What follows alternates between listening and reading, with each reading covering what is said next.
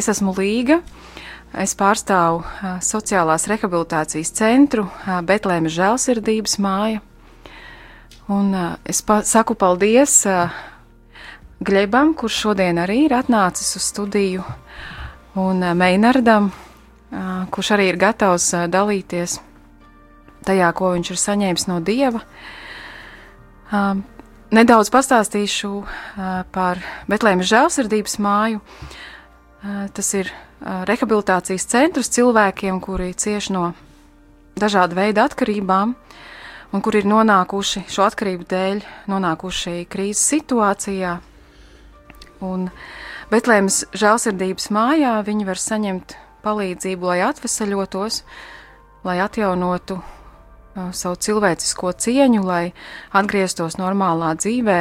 Un uh, lai pārtrauktu atkarīgo, atkarību izraisošu vielu lietošanu.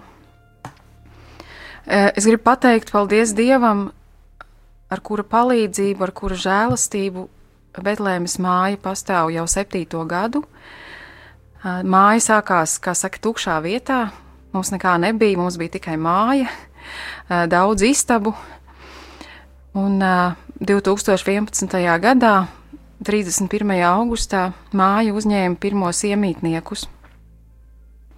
Un pateicība Dievam par to, ka māja joprojām ir atvērta, es saku lielu paldies Dievam par viņa svētību, tam, ka neskatoties uz visādiem izaicinājumiem, Betlēmas māja joprojām ir. Es saku paldies par ikvienu cilvēku, kurš tur ir bijis un saņēmis palīdzību. Un šī pusstunda, lai būtu kā laiks liecībai par Dieva lielajiem darbiem, Gleba dzīvē, iespējams arī tev, Mēnard, būs laiks pateikt kaut ko par to. Un otr, mūsu kā, sarunas otrajā daļā būs vairāk tāda apcere, meditācija par to, cik Dievs ir labs. Un tad es, es gribētu aicināt kā pirmo tad, runāt tevi, Gleb, kas būtu tas, ko tu vēlētos pateikt tiem, kas klausās šobrīd radio, par to, ko Dievs tavā dzīvē ir darījis, īpaši droši vien pēdējā pusgada laikā kā tu esi sastapis Dievu, kā tu esi redzējis Dieva darbu tavā dzīvē. Es saprotu, tev noteikti nav vienkārši, jo tu pirmo reizi esi rādio un tev ir jāliecina.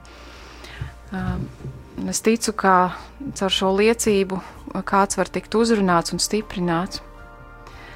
Un Glebs runās krievu valodā, jo tā viņam ir vieglāk un ērtāk, it sevišķi droši vien nav vienkārši arī, kad ir jā, jāstāsta tas tik daudziem cilvēkiem par to, kā tev ir klājies. Расскажешь, Глеб, свою историю, свое свидетельство о, то, о том, каков Бог в твоей жизни, что Он делал и делает в твоей жизни? Да, я с удовольствием расскажу. Ну, о Боге я начал слышать еще с ранних лет, это когда мне было там 4-5 лет. У меня бабушка, прабабушка были верующие, они брали меня с собой в костел на богослужение, ну, правда, по праздникам. Ну, вот с этих лет я начал узнавать про Бога.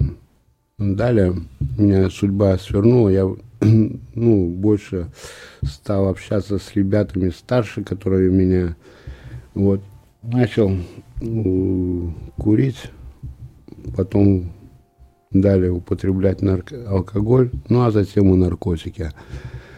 Вот, и когда я где-то в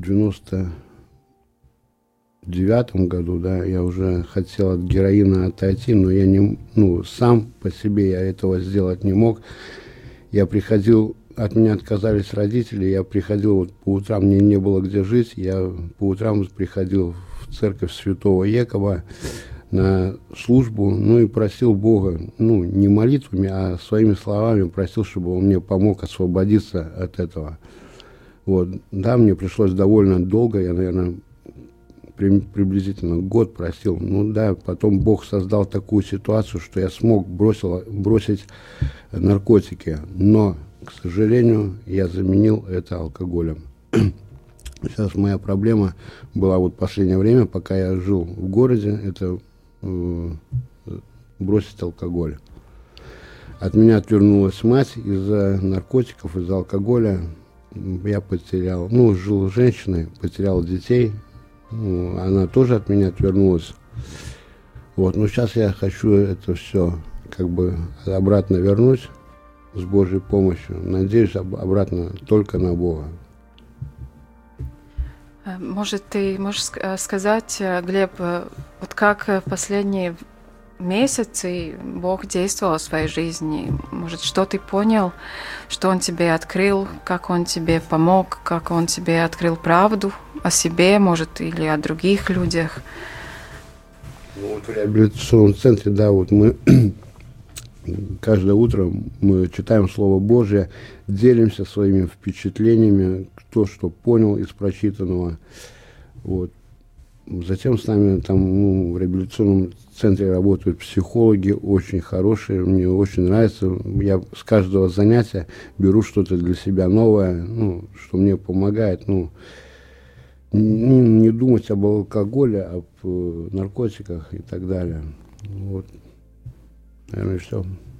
А если бы тебе надо было сказать, от чего Господь себя спас или, может, э, сохранил, от чего избавил, э, где его сила проявлялась, как ты сейчас видишь? Ты, я помню, ты делился со мной тоже с этим. Как он тебя охранял в каких-то ситуациях? Да, вот я когда, допустим, кололся, я мог ВИЧ себе, ну, приобрести ВИЧ.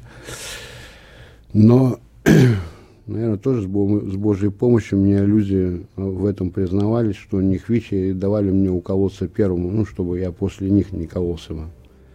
Вот. Но, к сожалению, я все равно ну, заболел этим гепатитом С. Ну вот сейчас ищу возможности, как, ну, как затормозить эту болезнь, ну, чтобы она дальше более не развивалась бы.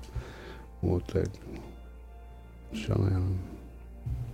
А если бы тебе надо было сказать, каков для тебя, тебя Господь, э, Иисус или Бог Отец, э, какой Он для тебя? Кто, кое-кто говорит, что Он очень добрый, что Он все прощает. Какие слова бы ты выбрал, чтобы Бог его Бог, охарактеризовать? Он, он всемогущ. Главное в него верить, наверное. Верить и, э, как сказать, не делать, не, не приступать специально заповеди, которые вот здесь и заповеди он дал, и надо стараться придерживаться их и не перешагивать через них. Paldies, Griba! Ir nav par ko. Kā, vai tev būtu ko, kas sakāms, kāda liecība mēģināt par to, ko, kā tu dievu atradīji un ko dievs tavā dzīvē ir darījis?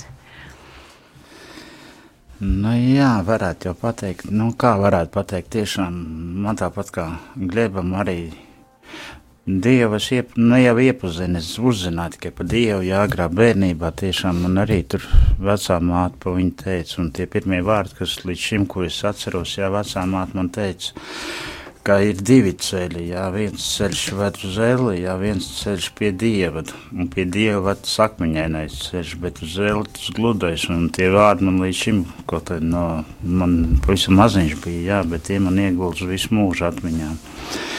Nu, tiešām tā arī gadījās, ka manā dzīvē tiešām es laikam izvēlējos to vieglāko ceļu, jā, pa kur arī gāju. Un, protams, jā, nu, tā kā viegli bija, un tas vieglais ceļš arī mani noved reizēm tādās vietās, nu, noved pie tā, kas man ir. Nu, godīgi sakot, arī ar to vieglo ceļu es arī ne tā kā, bet arī visu zaudēju. Jā, un tikai pateicoties Dievam, jā, līdz ar to, lai cik man dzīvē grūti bija, un tieši visgrūtākajos momentos, jā, tiešām es izjūtu, izjūtu Dieva mīlestību, Dieva palīdzību, jā, ka Viņš tomēr jā, manī, ka Viņš man nepavad, palīdzēja man tādīs grūtākajos mirkļos, un tiešām vienmēr sniedz savu roku. Tāpat arī Nesen es biju runājis ar vienu cilvēciņu, ja, un viņš man arī pateica, nu, izteica tādus vārdus, ja, vienkārši to Dievu neizmanījis, atnīs brīžos, ka tev ir bijis visgrūka, visgrūtāk, jā. Dievs nekur nav bijis no tevis novērsies. Viņš vienkārši tajā brīdī, kad tev bija nu, tiešām tas visgrūtākais, vienkārši Dievs tevi turēja nes uz savām rokām, bet tu to nemanīji vienkārši. Dievs nekad nav no tevis atgriezies, kungs vienmēr ir tevi.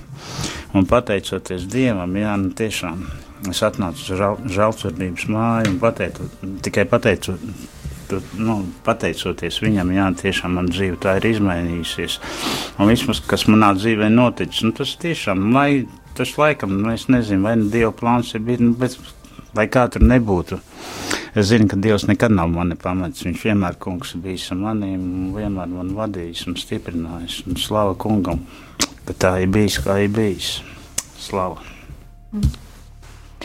Varbūt tu vari padalīties kas bija tas brīdis, kad tu saprati, ka tu bez dieva nevari, vai, vai, vai ka, tev pašam, tā, ka tev pašam jāsāk gribēt mainīt savu dzīvi, vai tas bija kāds notikums, vai tā bija atklāsme, vai vienkārši situācija bija tā sakārtojusies, ka tev nebija citas izējas, jo Dievam jau, kā saka, ir ļoti daudz ceļu, kā mūs atvest atpakaļ no tā vieglā ceļa, kā tu saki, uz to šauro ceļu.